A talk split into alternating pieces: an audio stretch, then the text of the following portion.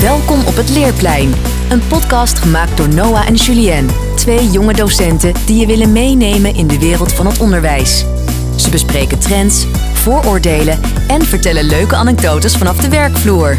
Welkom bij alweer de zesde aflevering van uh, het Leerplein. Een bijzondere Noah. Een hele bijzondere, een first. Want, wat is er aan de hand? Nou, wij zitten hier niet met z'n tweetjes. Nee, we hebben een gast. En uh, ja, wil je jezelf even voorstellen?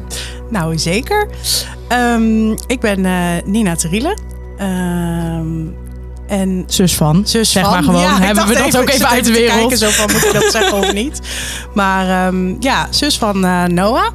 En um, ik ben nu sinds 2,5 jaar ongeveer werkzaam op uh, de Hogeschool van Arnhem en Nijmegen.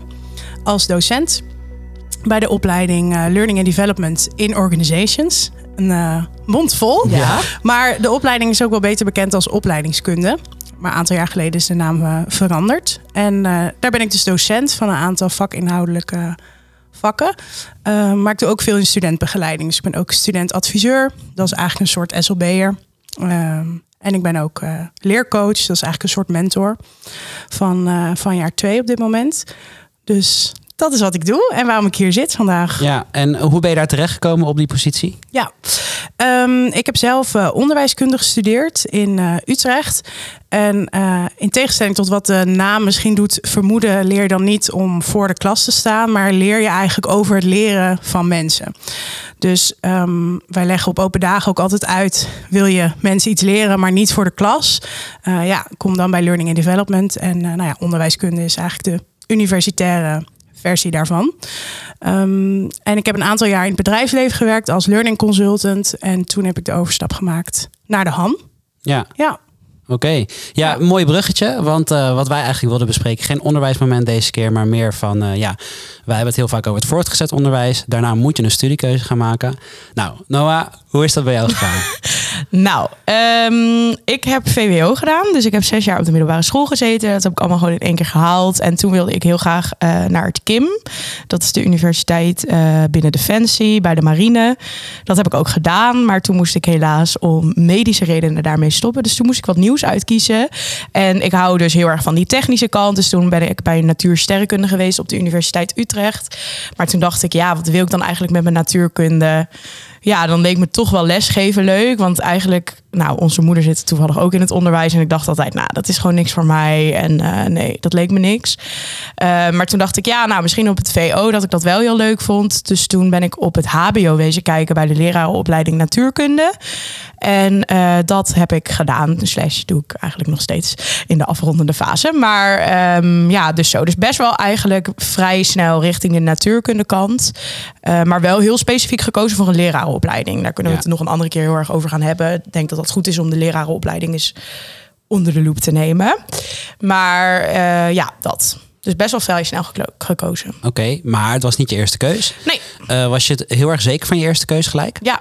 Oké, okay, dus daar heb je niet lopen struggelen? Nee, nee, en dat was, uh, nou, dat is een heel ander verhaal. Maar dat was ook niet helemaal natuurlijk de bedoeling dat, we dat, dat ik dat uiteindelijk niet meer ging doen. Nee. Niet mijn eigen keuze, helaas. Nee. Maar goed, dat is een heel ander verhaal. Maar uh, ik ben nu wel heel blij met mijn keuze, want ik zit wel echt op mijn plek. Heel goed. Ja, en jij? Ja, uh, nou, ik wil de podcast niet te lang maken, dus nee. ik heel kort proberen te vertellen. Mooi, mooi. Maar uh, ja, nou, ik heb de HAVO afgerond en toen, uh, ja, je gaat open dagen, ga je zoeken van wat vind je leuk. E&M profiel. dus nou ja, toen dacht ik, nou, misschien zoals heel veel jonge jongens denken van, ik ga iets zoeken waar ik veel geld kan verdienen. Ja, dus ik, Goeie eerste reden, ja, heel goeie mooi. eerste reden. Maar ik denk wel op die leeftijd dat je prioriteiten natuurlijk anders liggen. En ja, want hoe oud was je? Um, poeh, ja, is echt wel een tijd geleden. 16 of zo? Uh, 17, ja. ja. En uh, nou ja, dan, dan heb je gewoon nog niet zo heel veel van de wereld gezien. Dus je gaat heel primair denken, oké, okay, hoe kan ik geld verdienen? Dus ik naar de Hogeschool Utrecht. Super mooie studie.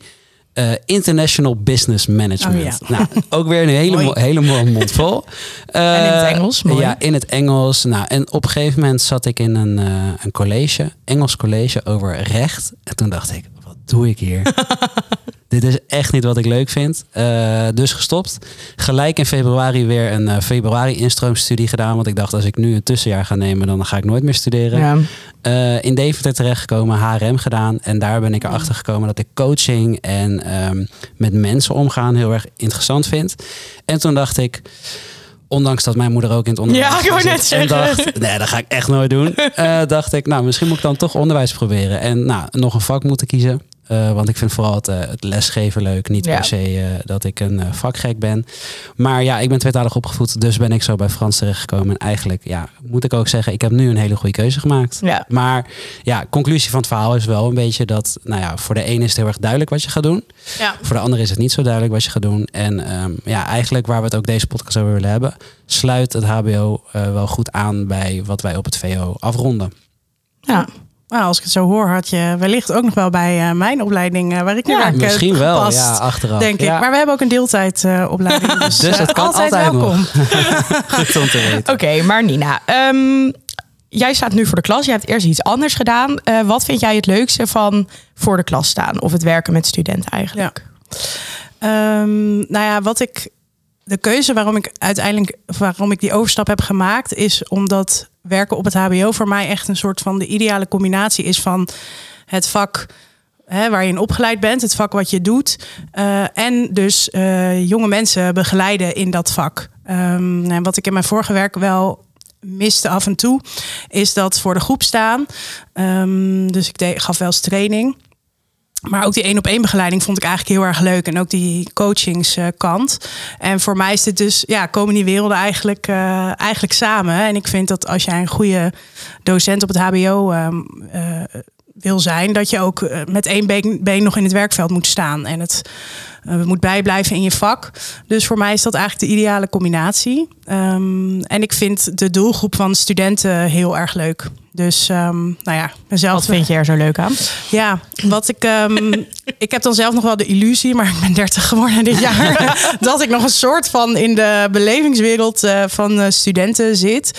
Ehm, maar ja, ik zeg ook wel eens tegen collega's: ja, het is heel vaak ook gewoon keten eigenlijk. Dus Ja. je kan heel veel lol hebben om alles wat er maar ter sprake komt, wat het leven van een student maar omvat. En dat kan van alles zijn tot een eerste liefde, tot een. eh, nou, eh, alles wordt ook grenzeloos besproken, Ja, zeg maar zonder gevolg. Ja. Gewoon besproken, SOA's, ehm, maar ook eh, politiek. Oh, dat heb ik weinig Dus, in mijn klas. ja, Hoe vaak ja. heb jij het over zo? Nee, ja, niet zo vaak. Ik heb Nee. geen biolo- biologie op Nee, dat scheelt. Nee, dat precies. scheelt. Nee, dus dat, ik, ik vind die ontmoeting met de student heel erg leuk. En, en het voelt echt als een cadeau dat je, ehm, nou ja, dat je impact kan maken op iemands ehm, eh, ja, leven. Dat klinkt dan heel zwaar. Maar, Maar, wel wat, carrière in ieder geval. ja, als het goed is. ehm, zeker omdat ik ook bij een opleiding werk die vrij eh, niche is. Of best wel specifiek. eh, hebben studenten al een soort van keuzeproces doorgemaakt. En kiezen ze wel re- relatief bewust om een bepaalde kant op te gaan.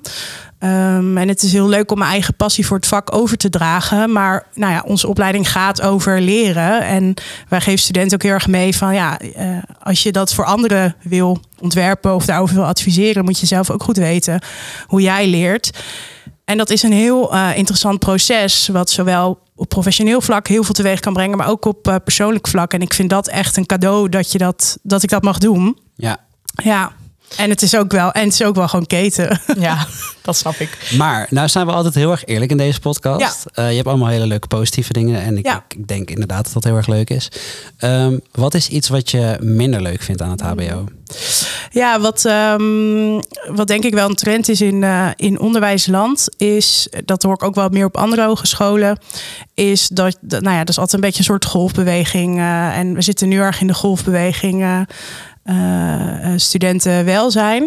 Wat denk ik heel goed is en heel belangrijk, want het is geen, nou, niet per se een makkelijke periode om student in eh, te zijn.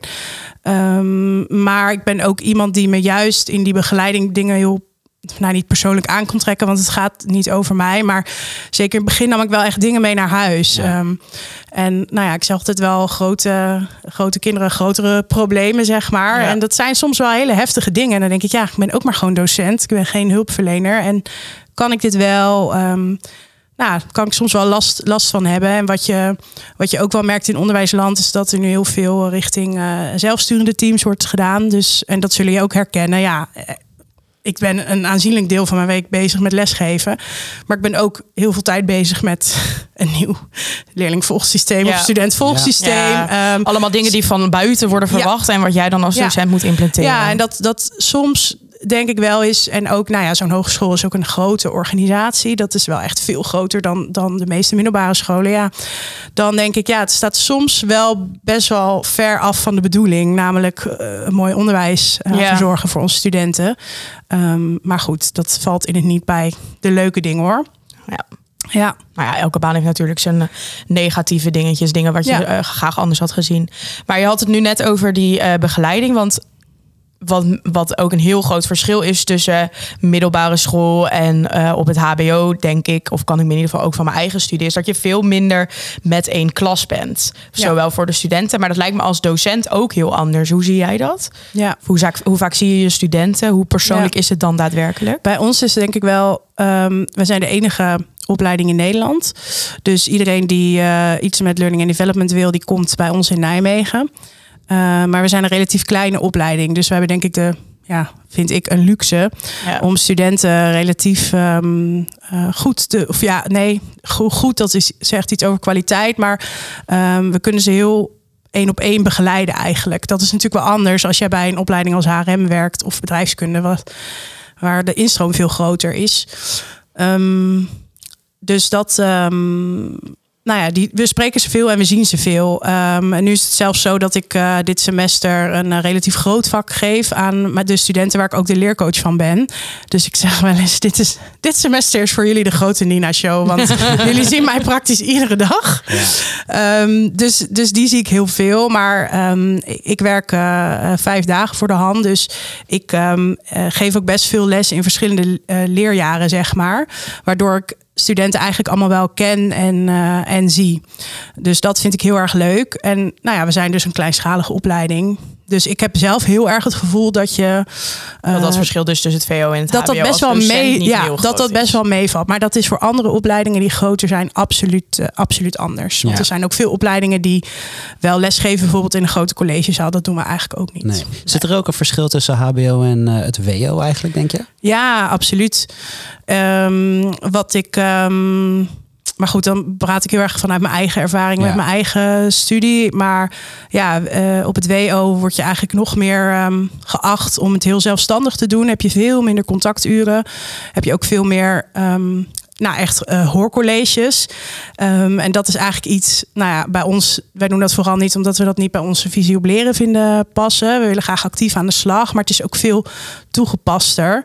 Eh, nou was dat bij mijn eigen opleiding op het WO ook wel. Maar ja, je merkt gewoon wel een verschil in dat je echt die wetenschappelijke basis hebt en dus ook veel tijd bezig bent met veel lezen, eh, zelfstudie. Ehm, het HBO is denk ik iets schoolser tussen aanhalingstekens, maar dat lijkt denk ik voor nou ja, voor een deel van de studenten misschien nog best wel op de middelbare school. Want je hebt een rooster, je hebt een aantal Ja. dagen in de week les. Sommige opleidingen hebben echt wel iedere dag les. Je hebt echt een klas. Nou ja, dat is iets wat, ik, wat op het WO eigenlijk niet echt, eh, niet echt is. Dus dat is ook wel echt een verschil. En ja, sommige studenten ligt dat beter dan de, dan de ander, denk ik. Ja. Ja, dat is ook wel iets wat ik, wat ik ook met mijn leerlingen bespreek. Ze zijn nu bezig met hun profielkeuze in de derde klas. Kijk, dan zijn ze nog niet echt naar opleiding aan het kijken. Maar er zijn best wel veel leerlingen die ook die stap misschien naar de HAVO willen maken. Ik ben natuurlijk VWO-mentor. Ja, dat we ook dit soort dingen wel bespreken. Tussen het verschil tussen het HBO en het WO. Want ja, ik heb heel ja, heel bewust gekozen voor een HBO-opleiding. Ook omdat het wat meer praktisch gericht is. Maar dit is ook een goed ding, denk ik, voor ons in het VO.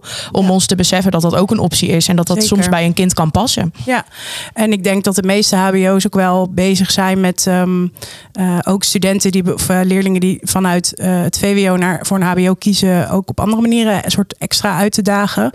Eh, maar wat je natuurlijk ook veel ziet, of wat ik in ieder geval veel zie, is dat er ook een instroom is van studenten die niet per se alleen maar van de middelbare school komen, maar ook vanaf het MBO en daarna een HBO gaan doen. Ehm, ja, ik denk dat wij in Nederland heel erg gefocust zijn op diploma's en maar zo hoog mogelijk papiertje halen. Maar ik, ik zie nu soms studenten echt zo hard moeten werken voor dat HBO-papiertje. En dan denk ik, joh, waarom? Je hebt een prachtig MBO-diploma. eh, Ga iets doen wat je Ga leuk iets doen wat je vindt. leuk vindt. En van, van wie moet jij deze studie doen? Dat, eh, nou, dat kan me wel raken, want dat, dat vind ik wel heel jammer. En dat is wel iets als maatschappij waar we denk ik nog wel iets eh, te doen hebben. Ja. Ehm, Maar ik denk ook juist dat een VO-school daar juist Ja, heel veel in kan ook. betekenen. Ja. Ja. Maar het is ook lastig. Hè? Ik bedoel, wij, zijn wij waren 17 toen we iets moesten kiezen. Althans, ik, ik Ja. jij dus ook. En ehm, ja, zelf had ik dan niet zo heel erg veel moeite met iets kiezen. Maar als je om je heen hoort hoeveel mensen ook een tussenjaar nemen, dat is Ja. natuurlijk ook wat er heel veel gebeurt. Omdat die druk van je moet iets studeren heel erg aanwezig is. Je moet het hoogst haalbare vaak studeren. Eh, je moet iets kiezen wat je voor de rest van je leven misschien wel wil doen. Althans, dat is het beeld wat Ja. leerlingen op het VO wel heel erg hebben. Ja. Ja, het lijkt in beton gegoten. Alsof je, zeg maar, als je Ja. dus VMBO hebt afgerond, moet je een MBO doen. Ja. Als, je het, als je HAVO hebt afgerond, ga je een HBO doen. En als je een VWO hebt Ja. afgerond, ga je WO-studie Ja. doen. Maar ja, het is helemaal niet zo in beton gegoten. Nee. En er zijn meerdere wegen die leiden tot wat je uiteindelijk heel erg fijn vindt of leuk vindt om Ja. te doen. Wij hadden vorig jaar ook een leerling die zat in, eh, eh, in een VWO-klas. En die was gewoon echt niet gelukkig. En die is vervolgens eh, naar het MBO autotechniek gaan doen. Midden in zijn. Dus hij heeft niet een middelbare schooldiploma. Maar hij is gewoon iets gaan doen wat hij wel leuk vindt. En wat bij in dit geval hem past. En dat vind ik wel heel mooi dat je dan. Ja, dat komt voort uit een één op één begeleiding van een leerling. En de leerling echt zien. En ik denk echt dat dat veel vaker zou kunnen gebeuren. Ja. Nou, en het is ook, je moet je ook niet vergissen dat de voorwaarden waaronder leerlingen gaan studeren nu ook natuurlijk er heel anders uitzien dan toen ik bijvoorbeeld ging studeren. Nou, ik heb nog een klein eh, percentage van mijn studiesgeld openstaan, maar Oh. het, het einde is in zicht. Ehm, maar nou ja, deze week was het, nog, eh, was het nog in het nieuws dat die rente ineens weer erg omhoog schiet. Het is ook, er is zoveel om te kiezen. Er is echt een wildgroei aan opleidingen, wat heel mooi is, want je kan alles wat je maar wilt kan je bij wijze van spreken, voor, is er een ja. studie voor. Maar de druk is ook wel in die zin hoog om je ook in één keer goed te kiezen. Want als je switcht of het niet Kost duizenden het euro's. is zo duur. Ja. En ehm, dat in een tijd waarin er al heel veel eh, andere druk ook op, eh, op leerlingen of studenten kan komen te liggen. Dus nou ja, het is niet altijd makkelijk. Dus Nee. als VO denk ik dat je daar best een rol in eh, zou kunnen spelen ook om dit te bespreken en ehm, studenten daarop voor te bereiden. Ik zit er ook over na te denken, want we hebben natuurlijk in eh, de vorige aflevering het gehad over die sociale Twee afleveringen geleden. Eh, Twee afleveringen geleden Ja. alweer. En, We nemen ehm, veel op mensen. Da- da- daarin hebben we natuurlijk ook besproken dat er inderdaad andere verleidingen zijn. Nou, dat studentenleven, eh, daar moet je van genieten. Dat is ook iets wat natuurlijk Zeker. wordt gezegd. Maar ja, het wordt steeds duurder. Eh, huizen zijn bijna niet meer te krijgen. Nou, die studieschuld is steeds minder aantrekkelijk. Niet dat schulden überhaupt aantrekkelijk zijn, maar het wordt steeds moeilijker. Geld Ehm, kost geld. Dus nou ja, precies dat. Ja, maar het is wel waar. disclaimer. En, en eh, ik denk dat we daar als VO nog heel veel te winnen hebben. Ja. Nou, zeker. Maar daarom denk ik ook soms, ja, die uitwisseling tussen een vervolgopleiding en het VO is best wel klein voor mijn gevoel. Maar dat kan misschien ook liggen aan dat ik natuurlijk niet in de bovenbouw les ga geven. Maar nu al met het kiezen van een profiel denk ik, oh, die kinderen zijn zo gestrest. Zij moeten voor hun gevoel nu kiezen voor de rest van hun leven. En dat kan ik mezelf nog herinneren toen we dat moesten invullen. Dat ik echt dacht, wow, ik ga nu wat invullen en dan is dit het. Ehm, ja, dat dat nu al zo die druk erop zit, terwijl ze 14 zijn. Ja, terwijl ik me echt oprecht afvraag, nou ja, voor bepaalde studies eh, moet je wel echt bepaalde vakken wel hebben. Nou, je kan de leraaropleiding natuur kunnen doen zonder dat je eh, HAVO-examen in Oh, dat is natuurkunde wel hebt gedaan. interessant. Maar Ja. goed, ehm, Dat klopt. maar in principe, ik denk ook dat het een heel mooie taak, nou ja, dan voor jullie collega's in de bovenbouw of Ja. nou ja, als zij al eerder gaan kiezen, om de- ook te laten zien van ja, je kan. Je leert je hele leven. Dat is natuurlijk ook een beetje het motto van mijn vakgebied. Ja, maar dat is wel echt zo. Dus ehm, ja, misschien toch ook wel een beetje niet om hun keuzes of, of om hun stress eh, te bagatelliseren. Maar ook om te laten zien van ja, weet je, je kan, eh, je kan nog alle kanten op. ja. En ehm, als je nu eens zou benoemen, wat is dan echt het grootste verschil tussen het VO en het HBO? Ja, dat, eh, dat heb ik ook, dus even ook gevraagd aan wat ehm, eh, studenten. Ik Mooi. Een lijstje? Ik heb een semi-lijstje. Ik heb het lijstje even doorgegeven aan iemand anders. Zijn jullie zus? of? Ja, Nou ja, ik dacht het zou wel raar zijn als ik daar iets over ga zeggen. Want nou ja, A, dat is voor mij alweer eventjes geleden. Plus, nou ja, altijd be- ik ben ook heel erg van studentparticipatie. ja mooi. Dus, Heel goed. mooi. Ja, ja. Ehm, dus ik heb even in mijn eh, groepje die ik eh, begeleid van afstudeerders gevraagd van jongens, wat ehm, is nou het grootste verschil wat jullie eh, benoemen, eh, of hè, wat jullie zien tussen VO en HBO en ehm, eh, is er iets wat je misschien op het VO had willen leren, waarvan je nu denkt, nou dat was handig geweest. Nou toen stuurde iemand eh studieschuld uitroepteken Ja, nou, bij Ja. deze benoemd. na de vakantie even tegen mijn 14-jarige Ja. leerlingen zeggen: Denk aan je Nou studieschuld. ja, goed. Het is natuurlijk wel. ehm, nou, misschien moeten we daar niet te lang eh, over, eh, over hebben. Maar het is natuurlijk wel zo dat je onder bepaalde voorwaarden een lening over aangaat, eigenlijk, waarvan je de gevolgen niet kan overzien. En heel Nee. eerlijk, toen ik begon, werd ook gezegd: joh, je kan Je rente jaren- is 0%. Ja. Je kan heel, heel makkelijk voor lage kosten Ja. lenen. Ja, dat ja, is wel beste echt lening die je ooit afsluit. Ja, en weet je, de spelregels worden gewoon veranderd terwijl je leent. Dus ik denk dat het goed is om, maar goed, om dan wat breder te pakken, überhaupt geldzaken, dat soort dingen. Ik denk dat dat, nou, dat vond ik wel. Ik denk dat deze betreffende student het als grapje zei, maar ja, ik vond het eigenlijk wel een heel goed punt. Ja. Ehm, een andere die geeft aan van, ik denk wat voor mij een groot verschil was, eh, dat het qua samenwerking eh, zat. Op de middelbare school ben je niet per se gewend om naast je BWS voor een langere tijd samen te werken met een groep. Ik had best wel graag wat handvaten geleerd willen hebben om om te gaan met verschillende manieren van werken. Ik heb dat heel lang best lastig gevonden. En eh, verschillende manieren van samenwerken dus. Ja, ja. Ja. en ook als je het dan hebt over ja, misschien meer projectmatig werken. Dat is natuurlijk Ja. heel, her, ja, heel ehm, eh, specifiek voor het HBO. eh, en voor de opleiding waar ik werk ook. We werken best veel in groepen, omdat dat ook in het werkveld zo is. En veel Ja. met verschillende mensen samenwerken. Nou ja, wij doen dan aan het einde van een semester altijd een presentatie waarin studenten reflecteren op het project van eh, het afgelopen semester. En daar is samenwerking altijd een vrij Ja. grote topic. Want ja, werken met mensen is toch wel. Nou, dat is echt moeilijk. Ik merk Ja. soms nu ook bij leerlingen. Dat, is dan, dat gaat over een brugklas, waar ze dus ook projectmatig werken. Bij een beta-extra programma wat wij op school hebben.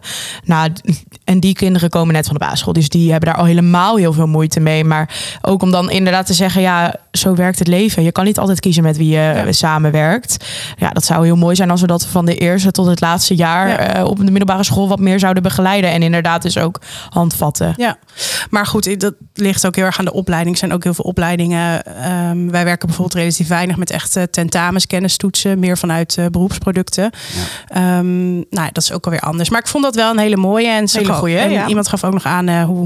Ik zou ook nog wel wat meer willen leren over hoe leren werkt. Eh, Ik kan me goed herinneren dat op de middelbare school het veel stampen was. En op het HBO is het best veel toepassen. En dat is dan best wel, nou, dat herken ik ook wel als ik studenten lesgeef. Dat ja, voor sommigen is dat dan ineens. Ik bedoel, er zit maar een zomer tussen. Hè? En eh, Ja. ja. dan is is dat toch ineens best anders. anders. Dus dat vond ik ook wel een, ehm, een goeie. Ehm, en de laatste die ik nog even wil benoemen, vond ik ook heel eh, goed. Iemand geeft aan, ehm, ik denk het grootste verschil, zeker als je gelijk op kamers gaat, dat het ineens voelt alsof je alles een beetje zelf uit moet zoeken. Dus alles rondom school, maar ook wat je daarbuiten doet. Dus hoe je goed, eh, hoe je goed moet leren om een realistische planning te maken, waarbij je niet alleen de praktische dingen indeelt en de schooldingen, maar ook een sociaal leven hebben. En als je op kamer zit, wil je ook nog ergens een keer werken. Ehm, nou ja, dat dat in balans is en op een manier die bij jou past. En dat vond ik zelf ook wel een hele mooie, omdat het ook wel heel erg gaat over nou ja, welzijn, hoe- ja, ja. het welzijn. En eh, ik merk zelf dat studenten echt ehm, veel minder op kamers gaan, omdat het ook duurder is natuurlijk. Maar ja, dat is ook wel iets waarin je heel veel leert over jezelf natuurlijk. Dus ehm, ja, voor de ene, ik denk dat de ene persoon pakt dat beter op dan de ander. Maar ik dacht wel, ja, het is wel, vond het op zich wel goede punten waarvan ik denk, dat zou best een plek kunnen krijgen wellicht in het VO. Maar goed, daar weten jullie meer van dan ik. nou ja, het zet me wel aan het denken. Eh, Inderdaad, weet je, wat me gelijk bij die laatste opvalt van eh, ik moet beter een planning kunnen doen, ik moet opeens alles zelf. Ja, daar zijn wij ook mee bezig Ja, in maar de ja, eerste klas. weet je, je hebt altijd zeg je, we hebben het containerbegrip eigenaarschap binnen, binnen in ieder geval het VO ook. Ja. Eh, en dan eh, vaak komen collega's tegen die dan heel erg zuchtend zeggen, oh, dan hebben we dat eigenaarschap weer en we moeten dit en zus en zus en zo. Maar blijkbaar is er dus wel behoefte aan en gaat dat dus nog niet overal even goed. Ja. Nee. Nou, dit is wel N is 1, hè? Laten we even. Ja, nou ja, dat is ook wel zo. Maar ik denk, ja. dat zijn we ook wel hele algemene dingen wat ze Zeker. zeggen. En ook dingen Ja. waar wij misschien zelf ook wel als student tegenaan hebben gelopen. En ook waar we dingen zien dat ik soms denk...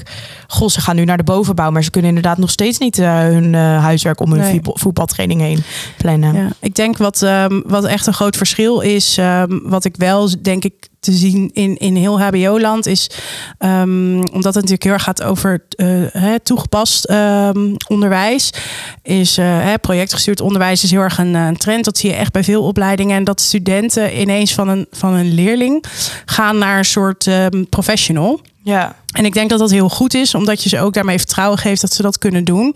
Maar dan moet je wel eerst leren hoe je die professional moet zijn. Ja. En doen, is dat dan iets waar jullie heel erg eh, bij stil zijn in dit eerste jaar? Dat je echt Ja. daar een hele bijeenkomst van nou... Nou, een hele leerlijn zelfs. Maar, dat, eh, maar goed, dat is, bij onze opleiding ligt het ook heel erg in het verlengde. Ehm, omdat de inhoud daar ook heel erg mee te maken heeft. Ehm, maar ik, ik zie dat wel ook bij opleidingen, eh naar andere opleidingen eh, bij ons. Dat ze ehm, daar steeds meer mee bezig zijn. Persoonlijk leiderschap is een belangrijk thema daarin. Maar dat is best een grote stap. Want wat ik zeg, daar zit soms maar een zomer tussen. En eh, als je vanaf het MBO komt of vanuit een andere HBO-opleiding, nou ja, hè, is dat misschien eh, weer anders. Maar ehm, ja, nou, ik denk dat dat, eh, dat, dat goed is. Ja. Mooie lijst, goed gedaan. Dank je. Er, eh, ja, er- er komt opeens een vraag in me op. En misschien Oh, is het een hele moeilijke vraag. Geef het Oh, antwoord er oei. niet op. Oh, Maar vanuit jouw expertise. eh, we hebben natuurlijk. We, we merken dat de maatschappij heel erg verandert. ja. Ehm, vind jij dat het huidige onderwijssysteem zoals we dat in Nederland hebben, nog aansluit op hoe de maatschappij nu is? Jemig, pittige vraag Zo, hoor. Even. Moet ik hem even voorpraten?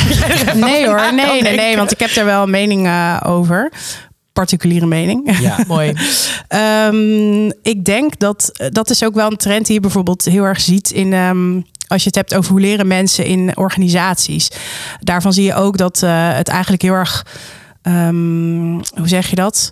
Ouder, ja, ouderwets is niet helemaal het goede woord. Maar wat je veel zag is dat, nou, dan willen we dat de medewerkers iets leren. Dan sturen we ze naar een training en vervolgens komen ze op hun werk. Nou, hebben ze een leuke dag gehad op de training, maar eigenlijk weten ze helemaal niet meer wat ze nou gedaan hebben. nee. Nou, er zijn tal van onderzoeken, daar zal ik jullie niet mee vermoeien, die laten zien dat dat dus ook niet zorgt voor een goed leereffect.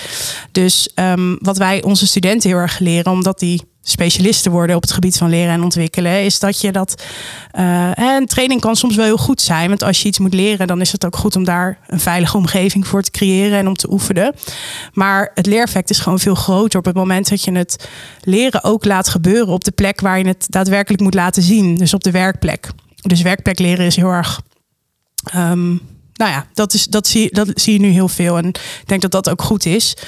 Ehm, en het is interessant dat we natuurlijk eigenlijk het, het onderwijssysteem en hoe wij onderwijs geven in Nederland, dat dat eigenlijk best wel eh, ook nog wel een beetje ouderwets is misschien. Ja. Dus als je naar de middelbare school kijkt en nou ja, er zijn ook heel veel, jullie hebben het volgens mij ook wel eens over het eh, onontwikkelde puberbrein eh, gehad. Weet je, je moet Ja. ook gewoon leren om woordjes te stampen, omdat je hersenen dat ook moeten leren. Dus ik denk dat dat wel heel erg goed is. Maar je hebt nu natuurlijk ook heel veel discussies over AI in het onderwijs. Ehm, ja, dit is gewoon de realiteit waar we mee te maken hebben. Dus ja, als ik dan nog wel eens hoor dat, dat leerlingen op een middelbare school ehm, een toets hebben om te kunnen laten zien dat ze met de atlas kunnen werken. Ja, sorry, maar Wij hebben het hier, ja, die Dat aflevering is, toch- nog niet online, maar ik heb letterlijk dit voor Ja, gezegd. Wij toch hebben het daar wel eens over gehad. Ja. ik, ik las ooit een keer een voor, of eh, ik was een keer op een eh, congres over de toekomst van het onderwijs. En toen gaf iemand zo'n mooi eh, voorbeeld, een beetje cliché, maar ik dacht, ja, het is wel waar. Moet je je voorstellen dat als we nu een soort tijdscapsule zouden maken, dan zouden we daar ehm, nou, ook een smartphone in, eh, in stoppen. Ehm, en dat, ehm, men, dat zeg maar dat je eigenlijk terug in de tijd gaat en dat mensen dan die tijdscapsule openen en al die smartphones zien.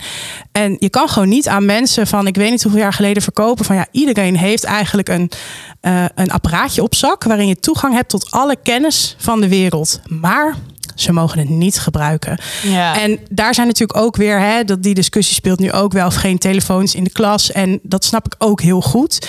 Daar zijn ook heel veel dingen voor. Alleen, nou ja, ik denk dat er wel een soort middenweg zou moeten komen. Ik, ik geloof wel heel erg in dat die basis heel belangrijk is. Maar ik geloof ook dat je het leren op een manier moet laten gebeuren zoals ja, op de plek waar je het ook daadwerkelijk gaat toepassen, op de werkplek. Dus dat is denk ik iets waar HBO's in ieder geval nog een hele grote stap in kunnen, eh, in kunnen halen. En eh, ja, ik kom ook niet weg met een simpele PowerPoint-presentatie. Dan Nee, eh, spreken mijn studenten me daar echt op aan en Kan terecht. je nog wel, hè? Ja. Lekker. zeker nog wel. Ja. Af en toe een lesson up, maar Ja, eh, Nee, maar een weet je, ja, maar dat is die ja, kahoot is leuk. Maar dat is die, eh, dat is die basis, weet je wel. En dat is ook dat hoort ook bij leren leren. Je moet eerst die basis be- beheersen om het daarna meer met meer eigenaarschap te kunnen doen. Ehm, Maar ja, ik denk dat het daarin nog wel wat dichter bij elkaar kunnen komen. Maar ik denk ook dat jouw studenten, kijk, wij hebben het daar best wel vaak over, maar ook wel kritisch zijn op hoe ze les krijgen. Ja, zeker. En dat is super goed. Kijk, op het VO is, dat, is die afstand misschien nog wel wat groter tussen docent en leerling soms. Ja. Ehm, zeker op hoe je les geeft of zo. Eh, maar ik geef ook altijd aan bij mijn leerlingen, ja, verbeter mij ook. Alleen al als ik het heb over toetsen nakijken. Ik zeg, ik ben ook een mens, ik maak ook fouten. Of als ik iets uitleg en iemand zegt, ja, maar dat, of ja, niet, dat is niet zo, want dat weten ze dan meestal niet. Maar hè, dat dat dan op een andere manier moet. Ik vind dat dat ook een hele belangrijke eigenschap van leerlingen. Wat op het HBO juist heel erg geprijsd wordt, maar het VO misschien nog helemaal niet zo terugkomt. Nee. Het kritisch zijn. En ik zit ook na te denken inderdaad over dat, eh, wat je zegt over die mobiele telefoons. Wij Mhm. willen die nu gaan weren. En dat heeft natuurlijk met veiligheid te maken Ja. en dat soort dingen. En dat is een heel goed argument, hè? Ja. Maar misschien ligt er voor ons dan wel een taak om ze eerder aan te leren wat je ermee moet doen. Ja, en wat hoe gebruik je het wel? Zijn. Ja, wat, hoe moet je het gebruiken? En eigenlijk, eh, ook dat sluit weer aan op wat we hebben gezegd over digitale leermiddelen. Je moet de goede dingen benutten. En het moet geen gevaar zijn, maar het moet een kans Ja, worden. Zeker, zeker. Maar goed, nou, daar kun je. Nou, daar hebben jullie volgens mij een hele aflevering. dus, Ja, ja. Dus ga die nog even luisteren, aflevering 5. Ehm, nou, een heel belangrijk thema wat we eigenlijk nog helemaal niet hebben besproken, is natuurlijk eh, corona. Dat heeft op Ja. alle lagen van, eh, van onderwijs hebben dat, heeft dat invloed gehad. Nou hebben we nu een paar lichtingen gehad van ehm, nou ja, toekomstige studenten Ja. op dat moment die hun diploma hebben gehaald. Met misschien wat verzachtende omstandigheden. Met de duimregel. Ja, en eh, nou, onder andere. Is toch? Ja, en eh, wat, wat merk, merken jullie dat op Ja. het HBO? En hoe, Ja. wat? Nou ja, ehm, ik. Misschien goed om even te zeggen dat toen ik les kwam geven, dat het eigenlijk het grootste gedeelte er, dat van corona er al op eh, zat. Ja. Dus ik weet wel dat mijn collega's dat studiejaar daarvoor echt veel online les hebben gegeven. Ik heb nog wel gehad dat er toen met kerst nog een keer zo'n lockdown kwam. Oh ja. Toen moest ik wel online les geven. Ehm, maar dat was toen allemaal niet echt nieuw meer. Dus dat was voor mij persoonlijk dan wel ehm, fijn. Maar ehm, ik weet nog dat we in mijn eerste jaar een P-uitreiking hadden. En dat studenten toen zeiden: Oh, dit is de eerste diploma-uitreiking die ik live heb. En toen, Ja. ja. dat vond ik echt zo sneu Ja, eigenlijk. Weet je hoe leuk je Ik diploma heb dat uitreiking gemist, was? ja. Maar ehm, eh, nee, ja, daar hebben we het ook best vaak met collega's over. Omdat je... Nou, laat ik het even bij mezelf houden, waar ik het zelf aan merk. Maar goed, dat is totaal niet een wetenschappelijk onderzoek. Maar En is één. en dus één weer mezelf. Dat ehm, eh, wat ik echt opvallend vind, eh, en dat vind ik best wel shocking, is dat er echt op een gegeven moment had ik zo'n jaar en dan hebben we altijd ook even een kennismakingsgesprekje met alle studenten waar je dan leercoach van bent. En echt aanzienlijke hoeveelheid studenten, nou ik kan het niet eens op één hand tellen, die zeiden ja, nou ik heb wel eh, wel eens last van paniekaanvallen, ik ben snel overprikkeld, ik kan het allemaal niet meer aan, ik vind het moeilijk om eh, op tijd op school te komen, om hier een hele dag te zijn. Wij hebben ook na corona als opleiding heel erg ingezet op alles eigenlijk zoveel mogelijk live. Omdat ja, dat ook een stukje sociale cohesie is. En je wil met studenten een relatie opbouwen. Je wil dat ze een relatie opbouwen met de opleiding met elkaar. Uh, maar ik vond dat echt uh, shocking om eigenlijk te horen. En dat is dan alleen al bij onze opleiding. Hè. Wij zijn Ja. dus relatief klein.